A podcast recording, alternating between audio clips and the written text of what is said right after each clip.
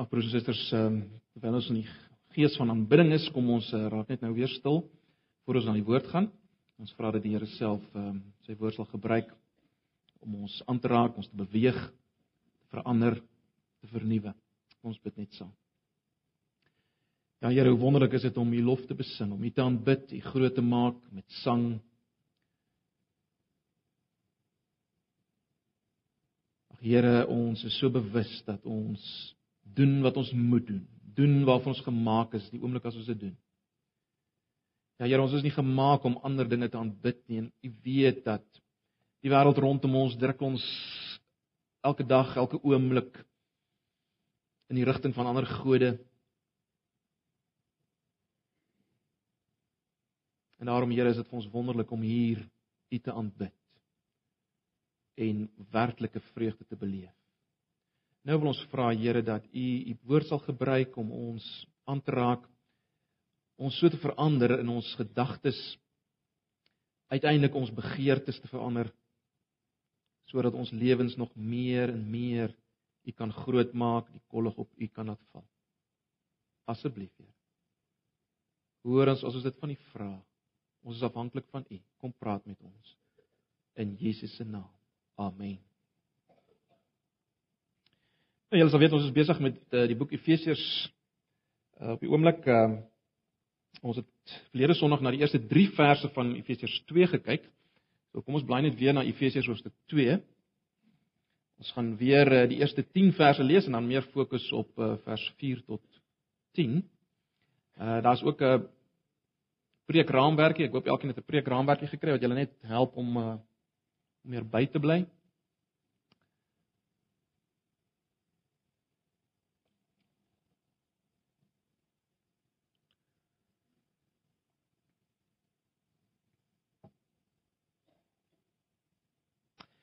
Goed, Efesiërs 2, ek gaan uh, die 83 vertaling lees, maar uh tydens die preek sal ek wel dikwels verwys na die meer letterlike vertaling, maar daar sekere dinge is wat belangrik is om raak te sien. Efesiërs 2, kom ons lees vanaf vers 1. Julle was dood as gevolg van julle oortredings en sondes wat voorheen julle lewenswyse gekenmerk het.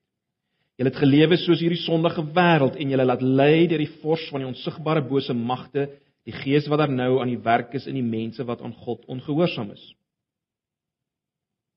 So het ons trouens vroeër ook almal gelewe.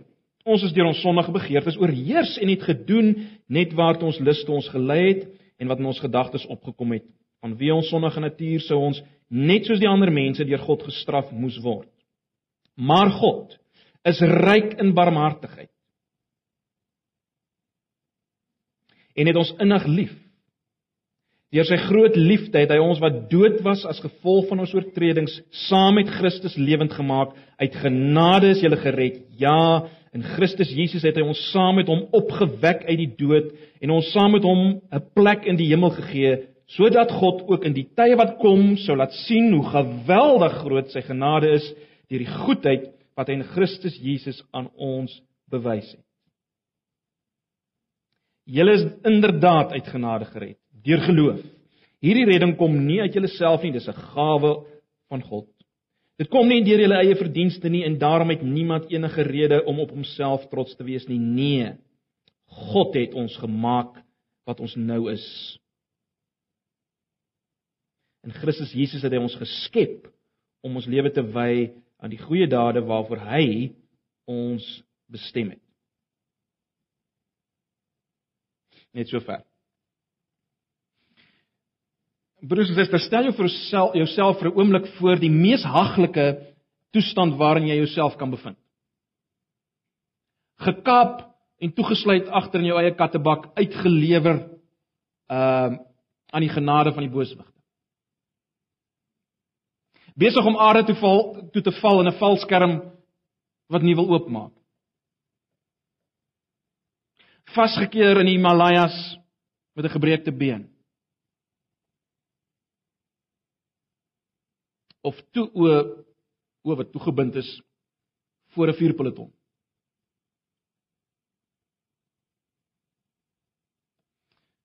My en jou en die mense rondom ons se toestand buite Christus is meer haglik.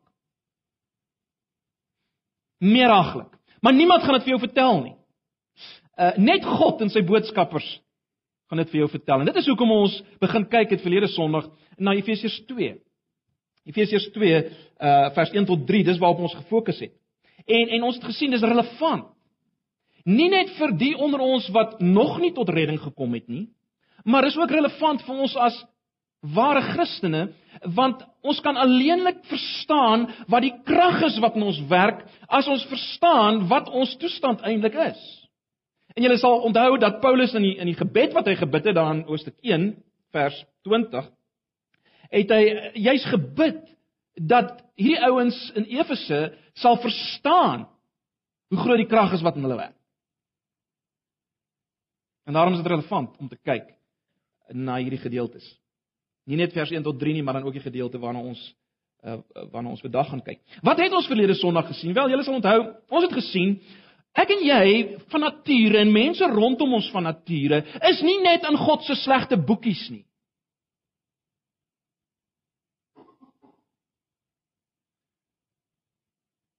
Ons is in die lijkshuis.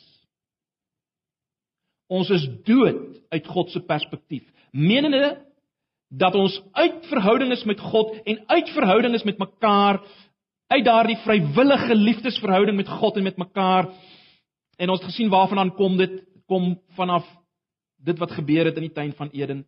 Dis ons toestand. Ons is dood en ons het daaroor gepraat. Maar ons het gesien as dooies, as geestelike dooies, is ons ook slawe. Ons is nie vry nie. Ja, ons dink ons is vry. Ons dink ons doen net wat ons wil, maar ons het gesien eintlik word ons beheer deur ons begeertes, of dit nou ons begeertes is van ons denke of van ons liggaam, goeie begeertes, maar begeertes wat gevange geneem is deur sonde. En onder beheer is eintlik van die wêreld. Ons dink ons is vry, maar ons leef soos die wêreld. En ons het mekaar gesê die wêreld is daai hele stelsel van uh van denke en gedrag rondom ons waaruit God as te ware uitgeskakel is. Dis die wêreld. En daai wêreld sak elke dag as te ware op ons toe, né? Nee, kom by ons vensters in via die media. En en en ons leef soos hierdie wêreld. Ons dink ons is vry, maar eintlik leef ons soos hierdie stelsel. Maar ons gesien ook hierdie stelsel is nie vry nie. Die duiwel, die vors van die onsigbare bose magte sit agter die wêreld en beheer weer die wêreld. Die punt is ons is slawe. Ons vryheid is die vryheid van 'n vis buite sy bak water. Maar ons is nie net slawe nie, het ons gesien. Ons staan ook skuldig. Ons is nie onskuldig in hierdie toestand nie. Onthou julle ons het dit baie duidelik gesien in die eerste vers 3 eh, verse. Ons moes deur God gestraf word. Ons was onder sy toren. God kan nie sonde onder die mat vee nie. Dan dan hou hy op om God te wees. Hy moet dit straf en ek en jy staan skuldig. Absoluut skuldig. En daarna het ons gekyk. So dis ons toestand van nature, die toestand soos ons gebore word. Nou. Vanoggend wil ek hê ons moet kyk na Paulus se beskrywing van wat ons kan word deur genade. Deur genade. En dis die goeie nuus waarna ons uh, volgende gaan kyk. Ons kry dit in vers 4 tot 11. Kom ons luister net weer na vers 4 tot 7. Uh dat jy iets daarvan sal raak sien. Vers 4. Maar God is ryk in barmhartigheid. Of in genade as jy wil. Maar God is ryk in barmhartigheid en het ons innig lief. Deur sy groot liefde het hy ons wat dood was as gevolg van ons oortredinge saam met Christus lewend gemaak. Uit genade is jy gered. Ja, in Christus Jesus het hy ons saam met hom opgewek uit die dood en ons saam met hom 'n plek in die hemel gegee sodat God in die tye wat kom sou laat sien hoe geweldig groot sy genade is deur die goedheid wat hy in Christus Jesus aan ons bewys het. sien julle dit? Geweldig, is dit nie? Ons was dood, maar God het ons lewend gemaak. Ons was slawe van die duiwel en van die wêreld, maar God het ons laat sit in die hemele in Christus. Ons moes deur God gestraf word of ons was onder die toorn van God Maar God gaan tot in alle ewigheid goedheid aan ons bewys uit die rykdom van sy genade. Dis goeie nuus. As dit nie goeie nuus is nie, dan weet ek nie wat is goeie nuus nie. Miskien is daar iemand vanoggend wat wat sê wel my toestand is so hopeloos of uh, die toestand van 'n familielid is, so hopeloos. Ek ek het nie regtig hoop vir vir daardie persoon nie. Of vir myself. Ek het nie hoop vir die wêreld rondom ons. Suid-Afrika. In lig van alles wat op die oomblik gebeur. Ek het nie hoop nie. Broers en susters, ons ons moet dit vanoggend sien. Maar God, maar God, maar God. En ek wil hê ons moet vanoggend na na hierdie gedeelte kyk, uh, vers 4 tot 11 en ek ek vertrou dat elkeen vanoggend wat nog nie tot lewe en vergifnis gekom het nie, dat jy 'n geweldige hoop hier sal vind en uiteindelik lewe. En ek vertrou dat die van ons wat wat reeds lewe het, ehm um, en wie dit miskien die bewustheid daarvan vaag geword het, wat die geval mag wees. My gebed is regtig dat julle weer gelanseer sal word tot lewe vir God en ook tot gebed verander dat hulle hierdie dinge sal begryp en sal verstaan en tot nuwe lewe kom. So wat gaan ons vanoggend doen? Wel, ek wil hê ons moet eerstens vers 3 plaas teenoor vers 7. Die feit dat ons gestraf moet word maar God beloof eindelose goedheid. Ons gaan eerstens daarna kyk. 'n Bietjie laer af in die verse. Ons gaan eerstens daarna kyk. Vers 3 teenoor vers 7. Ons moes gestraf word. Ons was onder God se toorn, maar God beloof eindelose goedheid. En dan gaan ons vers 2 teenoor vers 6 plaas. Ons was slawe of as jy wil verslaaf aan die gees van hierdie wêreld, maar God het ons vrygemaak en ons laat sit in Christus Jesus in die hemel. En dan gaan ons vers 1 teenoor vers 5 en 6 plaas. Ons was dood in sonde, maar God het ons lewend gemaak in Christus. En dan gaan ek net kyk na na hoe word dit 'n werklikheid in ons lewe? Hoe word dit 'n werklikheid?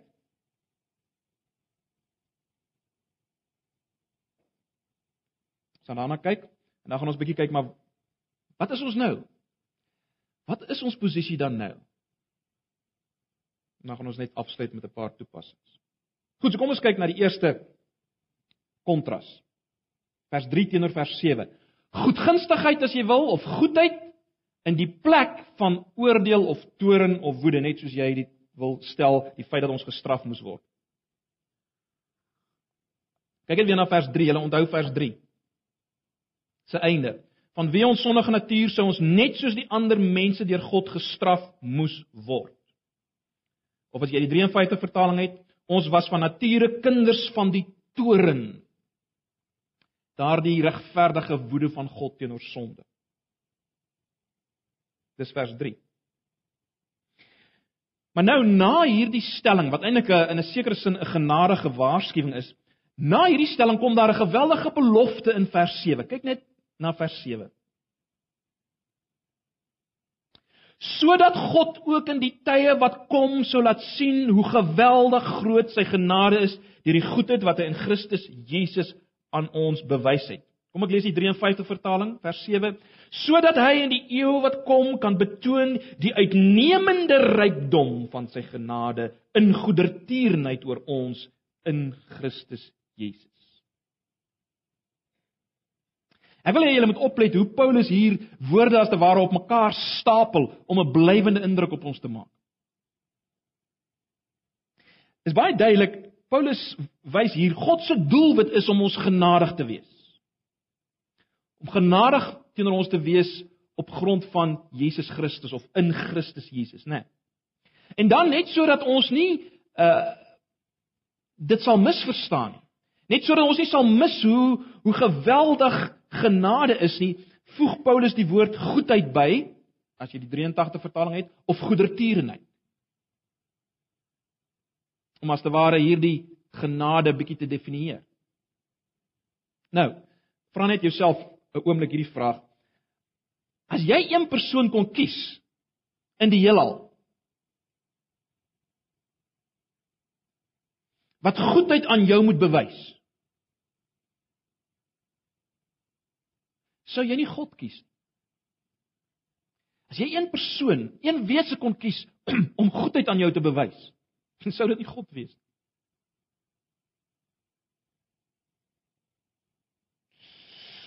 En broers en susters, ek en jy mag in staat wees om aan duisend maniere te dink waaraan waarop God aan ons goedheid kan bewys. Duisend maniere. Maar maar dan gaan ons 'n uh, eh, verbeelding opraak.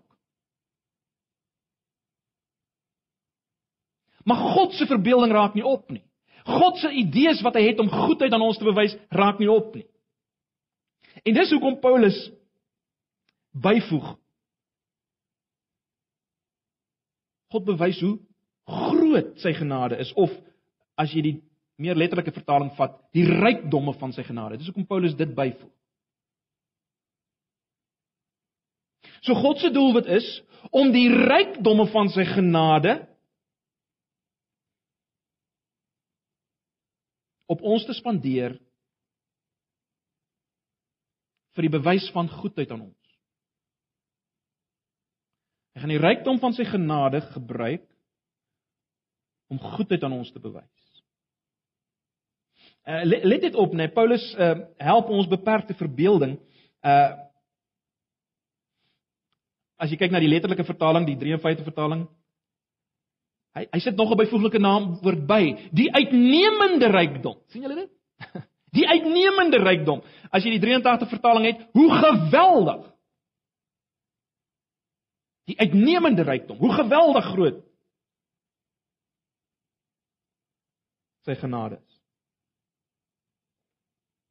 Ons sou daai woord eh, wat vertaal word met uitnemend in die 83 vertaling, ons sou dit ook kon vertaal met onmeetlik, hoe onmeetlik sy genade is, oor hoe onvergelykbaar, jy sou dit daarmee kon vertaal, hoe oortreffelik dit is.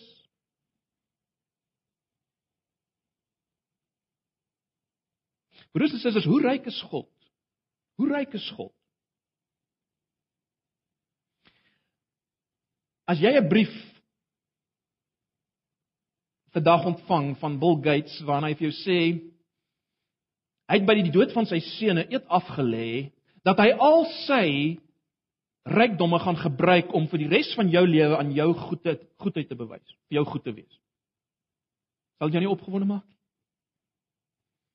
Dink jy daaraan? Al sy rykdomme gaan hy gebruik vir jou om aan jou goedheid te bewys. Nou. Bill Gates se rykdom is soos 'n sandkorreltjie teenoor die Sahara woestyn in vergelyking met God se rykdom. En let bietjie op, dis God se rykdom van genade.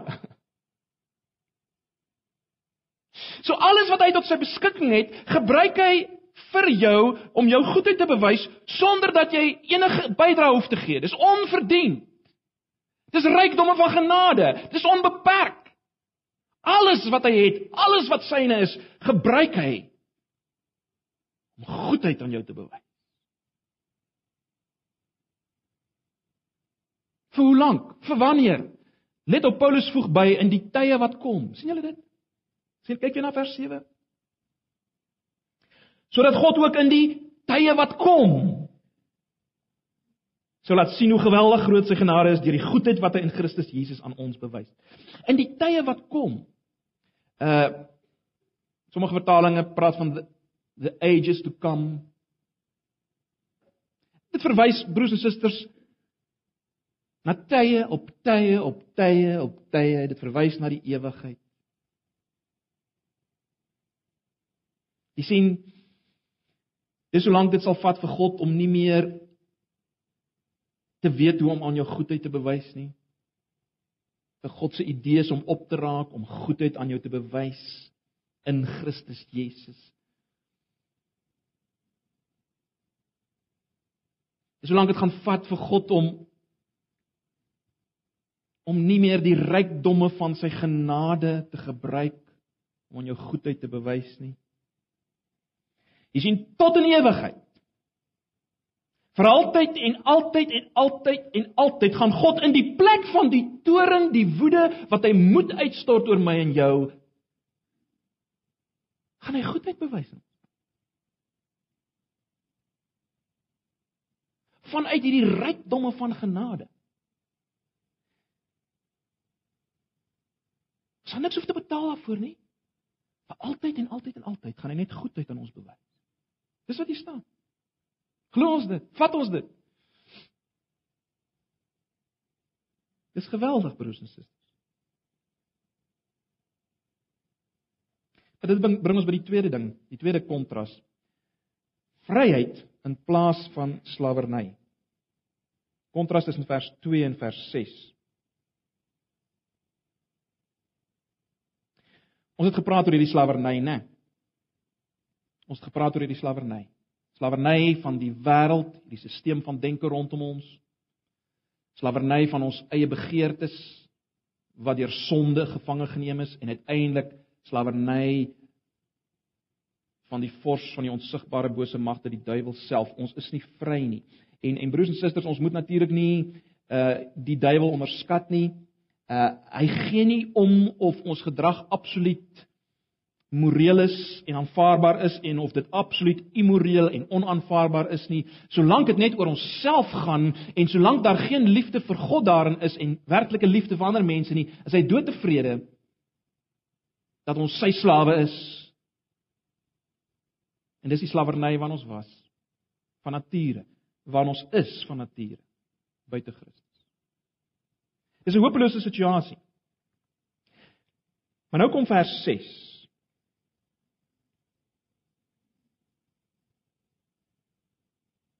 Ja, in Christus Jesus het hy dus God ons saam met hom dus Christus opgewek uit die dood en ons saam met hom 'n plek in die hemel gegee.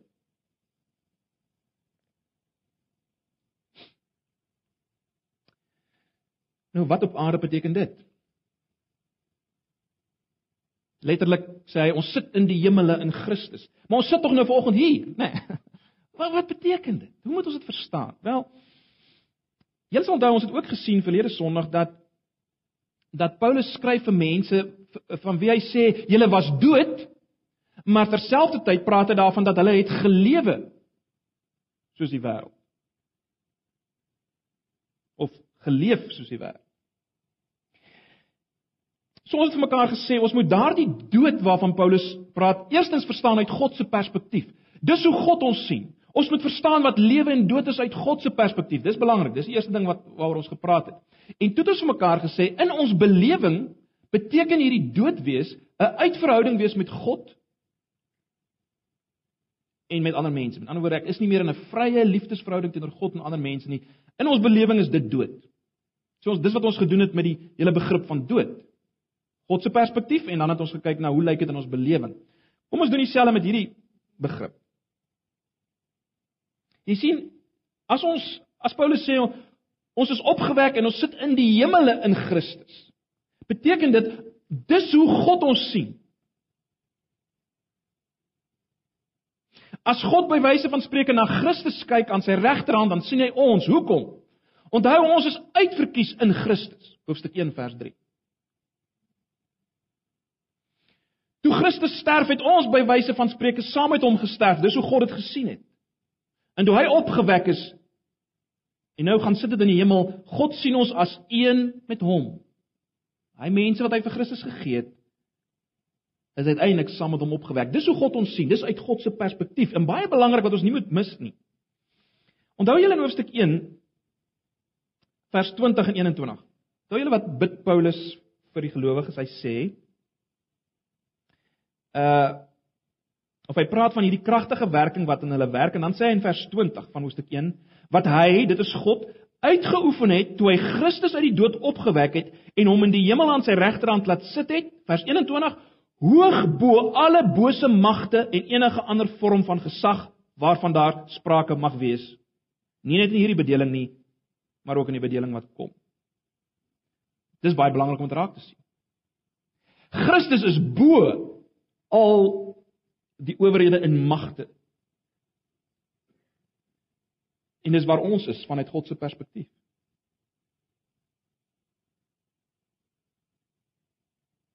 Hoe lyk dit in ons belewing?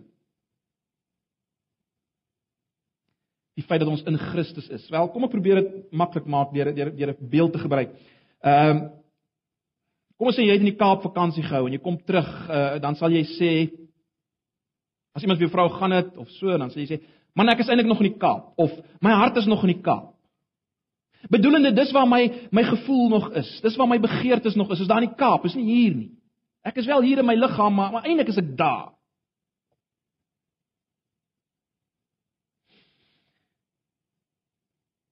Nou in ons belewing is dit hoe iemand dit beleef wat in die hemel in Christus is. God vat ons harte as te ware soontoe. Ons dis waar ons begeertes lê, né? Ons gedagtes, ons emosies, ons smaak is daar.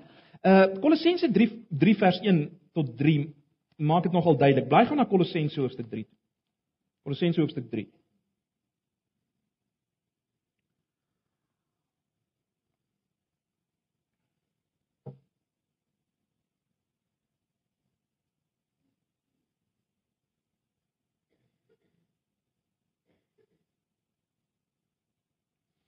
Kolossense 3 vers vanaf vers 1. Sê Paulus: "Aangesien julle saam met Christus uit die dood opgewek is, moet julle streef na die dinge daarbo waar Christus is, waar hy aan die regterhand van God sit. Rig julle gedagtes op die dinge wat daarbo is, nie op die dinge wat op die aarde is nie. Want julle het gesterf en julle lewe is saam met Christus verborge in God." 'n Bietjie op 'n ander manier stel Paulus dieselfde saak. So die punt is uit ons belewing is ons begeertes, ons gedagtes nou daar. En nou baie belangrik, omdat ons begeertes sterker is vir Christus, kan ons nee sê vir die begeertes wat na ons toe kom via die wêreld en die Satan wat agter die wêreld sit, wat deur ons begeertes van ons gedagtes en ons liggaam werk. Ons kan nee sê daarvoor omdat ons 'n sterker begeerte het in die hemel, in Christus waar ons sit. So ek hoop julle sien die kontras. Ek hoop julle sien hoekom ons hierdie uh gedeelte van sit in die hemel in Christus stel teenoor die slawerny waarin ons was. sien julle dit? God vat ons uit. As jy dit so kan stel, vanuit hy vat ons uit hierdie slawerny waar ons onder die wêreld en uiteindelik die vors van die duisternis is, die duiwel. Hy vat ons uit en hy sit ons vanuit sy perspektief en in ons belewing sit hy ons in Christus in die hemel. sien julle die prentjie? As jy wil kan jy sê vanaf 'n posisie van slawerny na 'n posisie van heerskappy. Dis hoekom ek nou hoofstuk 1 gekyk het. Vers 20 en 21. Christus is opgewek bo elke owerheid en mag. Dis waar God ons sit. So ons is nie meer onder die owerhede en magte nie, onder die wêreld en die duiwel nie. Ons is nie meer onder sy heerskappy nie. Ons is bo hom. Ons heers oor hom. So, vanaf slawerny na heerskappy. Dis waar God ons gesit het. Toe ons tot verlossing gekom het. Ja, ons is nog in hierdie in hierdie wêreld. Maar ons is eintlik vreemdelinge en bywoners hier. Ons begeertes is nie meer hier nie. Ons hart is nie meer hier nie. En dis wat ons elke dag vir onsself moet sê en herinner. Ons kan nee sê vir die begeertes van die wêreld en die duiwel, want ons is bo hom. Broers en susters, dis wat God sê.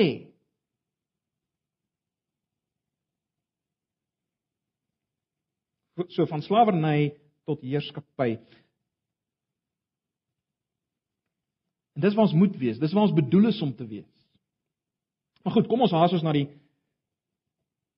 na die laaste vergelyking lewe in die plek van dood. In vers 1 het ons dit gesien, ons het daaroor gepraat, ons was dood in ons oortredings en sondes. Ons het gesien dit beteken maar eenvoudig dat ons geestelik totaal onvrugbaar is, geen liefde vir God werklik nie, geen werklike liefde vir ander mense nie. Dit mag so lyk, maar gaan eintlik oor myself. Ek is dood. Nie werklik geestelike begeertes nie. Ja, ons mag in die in in die oop graf van immoraliteit gewees het of in wit gepleisterde grafte van godsdienstigheid maak nie saak. Maar nou is die geweldige ding dit. Toe God by wyse van spreuke verby ons loop,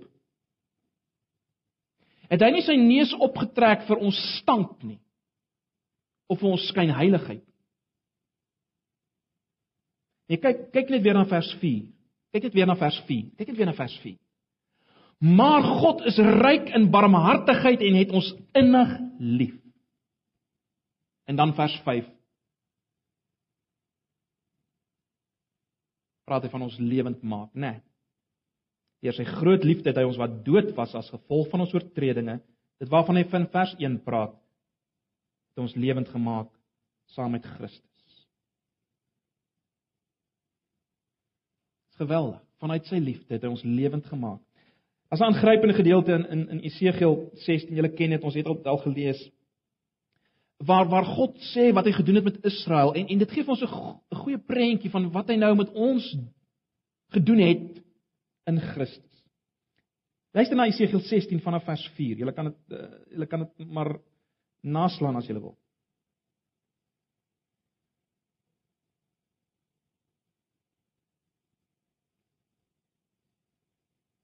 Geweldige grafiese beeld. God sê vir Israel: "Toe jy gebore is, is jou naastring nie afgesny nie. Jy's nie gebad nie, nie met sout ingevryf nie en nie in doeke toegedraai nie. Niemand was oor jou besorg of het soveel vir jou oorgehad dat hy een van die dinge vir jou gedoen het nie. Jy's met afskeid behandel en in die veld weggegooi die dag toe jy gebore is." Kyk dan na vers 6. Toe het ek verby uh, verbygekom en jou in jou bloed sien spartel. Ek het jou daar waar jy in jou bloed gelê het, ges, uh, ek het vir jou daar waar jy in jou bloed gelê het gesê, leef. Ja, ek het vir jou daar gesê waar jy in jou bloed gelê het, leef. Groei. Dis wat God met ons gedoen het. As jy vanoggend 'n Christen is, is dit in werklikheid wat God met jou gedoen het. Hy het jou so gesien en het vir jou gesê leef. Hoe kon hy dit doen? Hoe kon God dit doen sonder om sonde goed te keer en te sê ag maak nie eintlik saak wat jy gedoen het nie. Dit maak nie eintlik saak dat jy uh, uit verhouding met my was nie. Dat jy eintlik my naam vertrap het deur jou blote bestaan nie.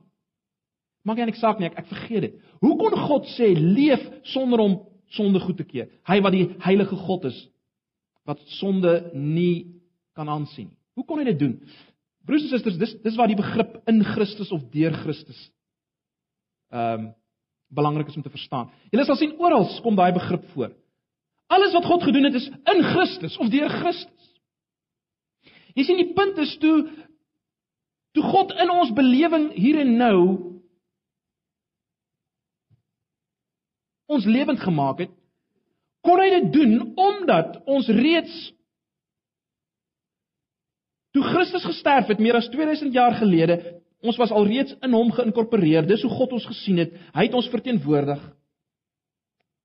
Hy klaar die oordeel, die regverdige toorn van God oor sonde gedra in my plek. God het dit op hom uitgegiet. God het hom vernietig. Nie vir sy eie sonde nie, myne en joune. Maar God het hom opgewek uit die dood. Hy het hom lewend gemaak en omdat hy hom lewend gemaak het, wel, ek en jy was in hom, in hom geïnkorporeer, daarom is ek en jy lewend gemaak. En daarom kan hy kom en in ons belewing hier en nou in tyd vir ons sê leef sonder om sonde goed te keer. Dis hoe dit gebeur. Lewe in die plek van dood.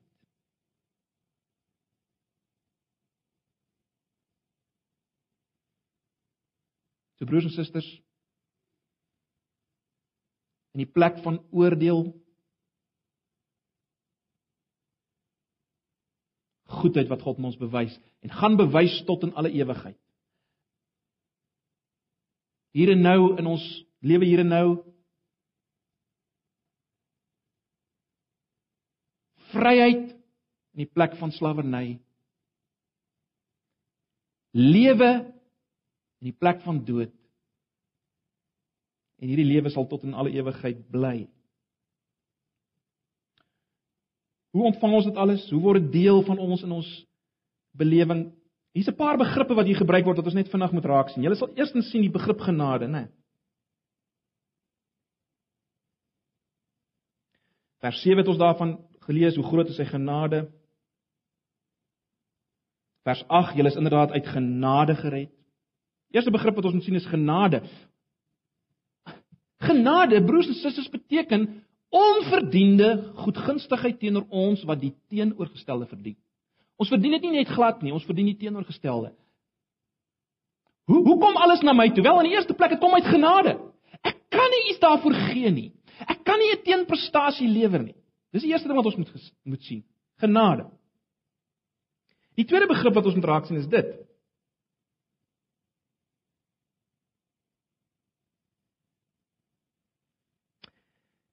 Die laaste deel van vers 8. Dit is 'n gawe van God. Dit is 'n gawe van God. Geskenk.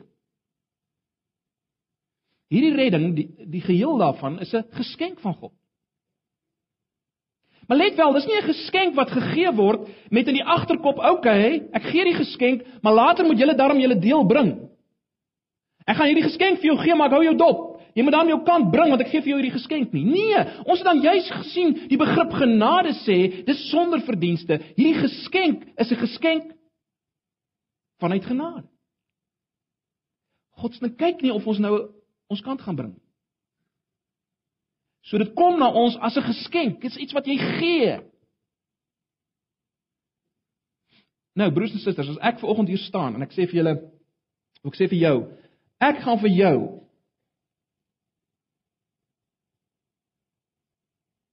ek gaan vir jou 5 miljoen rand gee.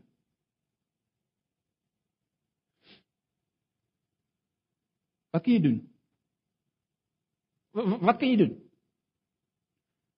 Ek sê vir jou ek gaan vir jou gee.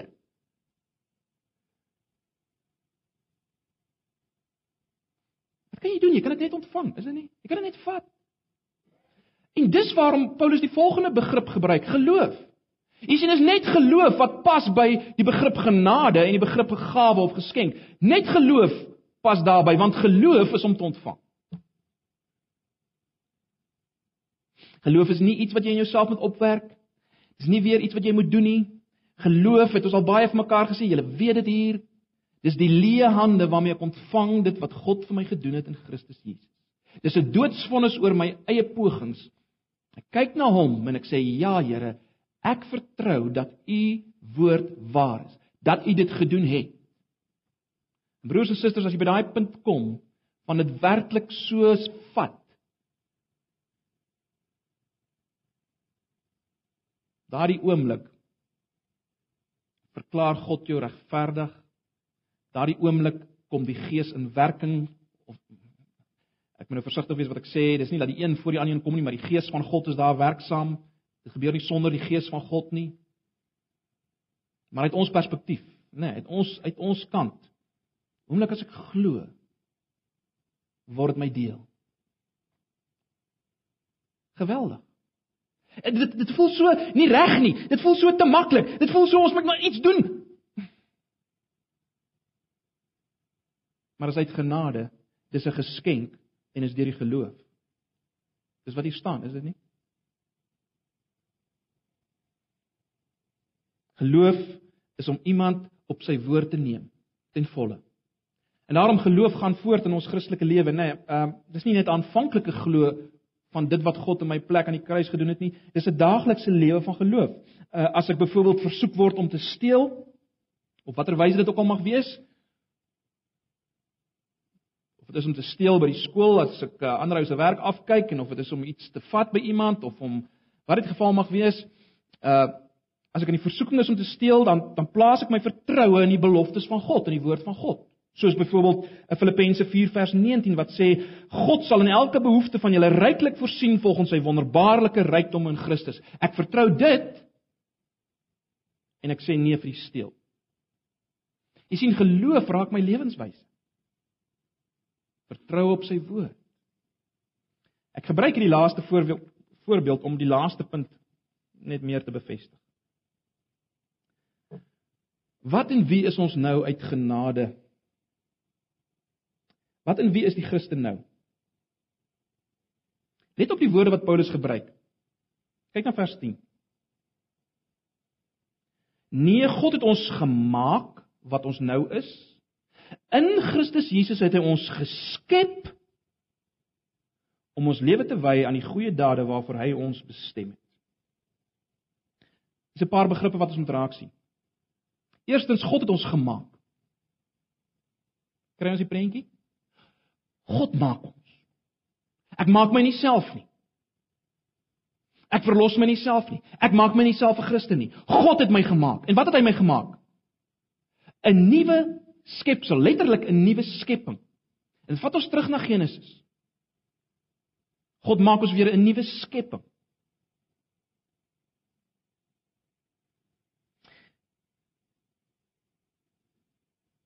Waarvoor? Om wat te doen?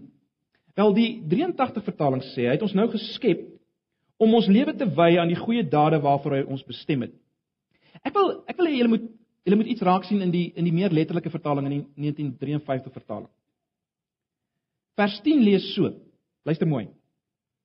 Want ons is sy maaksel geskape in Christus Jesus tot goeie werke wat God voorberei het sodat ons daarin kan wandel Let op die woord wandel want hierdie woord wandel word ook in vers 1 gebruik in die in die oorspronklike teks. Uh of dan in, as jy die 53 vertaling het, kyk na vers 1. Of dan vers 1 en 2. En julle het hy lewend gemaak wat dood was deur die misdade en die sondes waarin julle tevore gewandel het. sien julle dit? Die woord gewandel kry ons in vers 1 en 2 en ons kry dit weer in vers 10. Wat wat probeer ek sê? Ek probeer sê God doen 'n volkomme werk.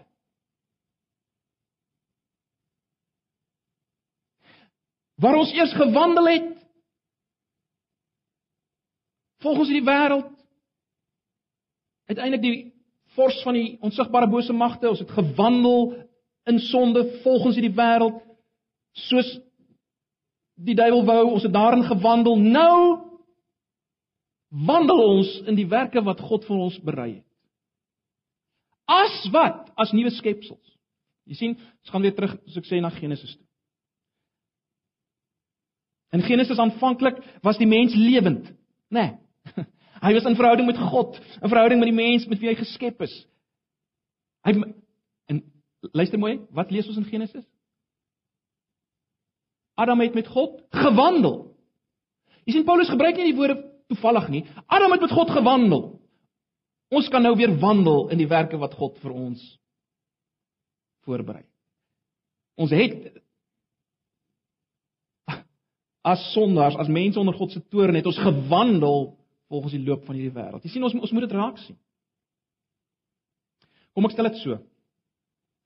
Alles wat waar was in Genesis van die mens wat in verhouding met God was en met mense rondom hom, met God gewandel het, is nou weer waar van ons. Daar's net een verskil. Ons doen dit deur die geloof.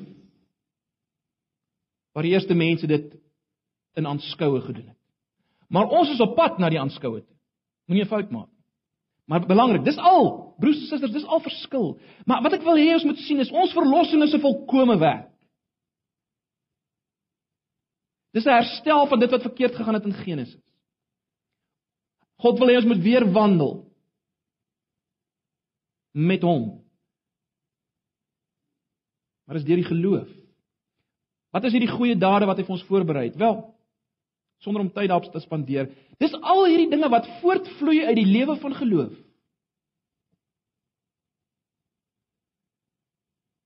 Baie belangrik, dis nie weer om punte aan te teken by God nie, want ons het nou net gesien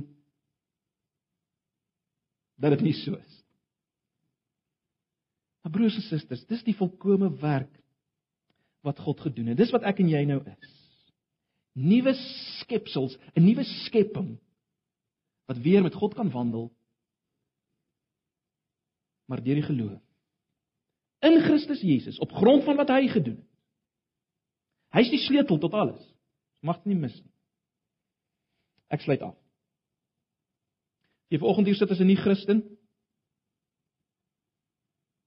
Ag, my gebed is dat jy jou toestand sal raak sien. My gebed is dat God iets sal doen, jou oë sal oopmaak.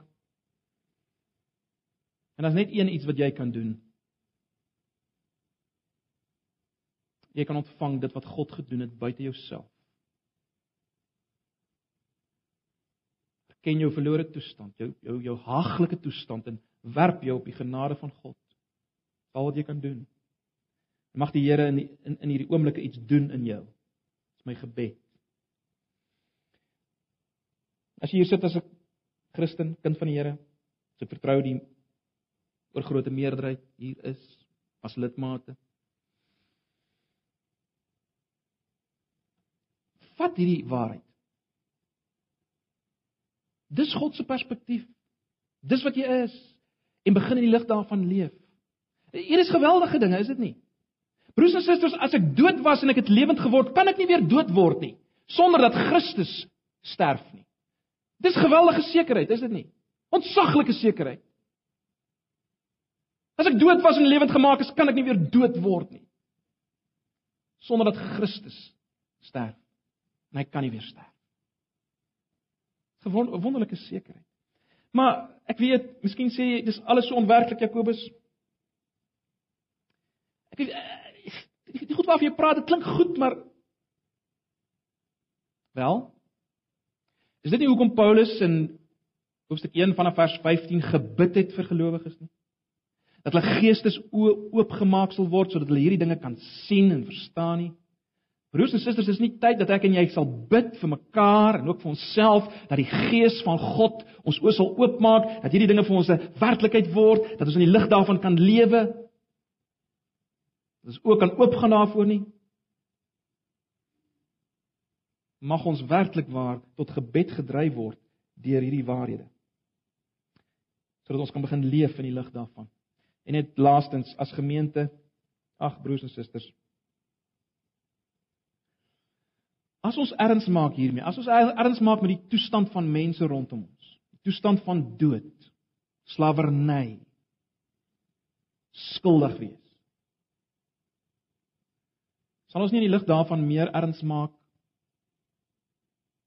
met gebed om God te pleit, om mense aan te raak en lewend te maak nie? Sal dit ons nie beweeg om om om meer te bid meer te gee, meer ons te beywer vir die redding van mense nie. As ons kyk na die toestand van mense sonder God en aan die ander kant die wonderlike wonderlike posisie waarin mense kan kom in Christus. Dit behoort ons mos te lanseer, te motiveer. As dit dit nie doen nie, wat sal dit doen? Ag, broers en susters, en daarom vra ek dat ons nou vir 'n paar oomblikke net sal stil word weer. Kom ons bedink vir 'n paar oomblikke hierdie waarhede. Kom ons dank die Here As ek in hierdie posisie is, dank die Here dat, hy my lewend gemaak het. Dank hom daarvoor. As jy hier sit as iemand wat wat nie sekerheid het dat dit waar is van jou nie, werp jou nou op hom en sy genade. En kom ons bid. Kom ons bid vir die oopmaak van ons geestelike oë dat hierdie dinge vir ons 'n realiteit sal word en ons sal beweeg. In die lig van wat ons gesê het ons visie is, dat dit ons sal laat beweeg soos Christus in hierdie wêreld. Gee 'n paar oomblikke van stil gebed voordat ek afsluit.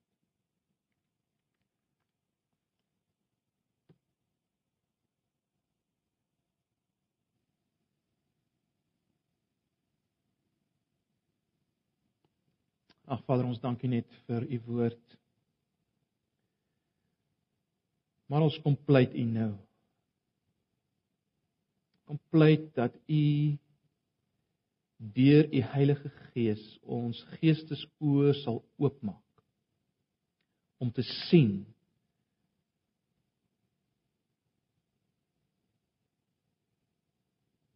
hoe groot die verlossing is wat U bewerk het om die krag wat U in ons gewerk het toe ons tot geloof gekom het weer te besef te waardeer.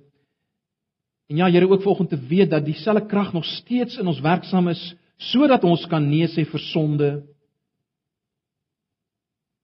Die begeertes wat gewerk word in ons of gewek word deur die wêreld en uiteindelik die duiwel. Ons kan nee sê, help ons om dit raak te sien, ons posisie in U.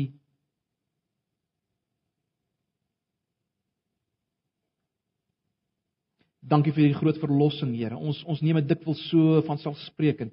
Ons is so ligtelik daaroor.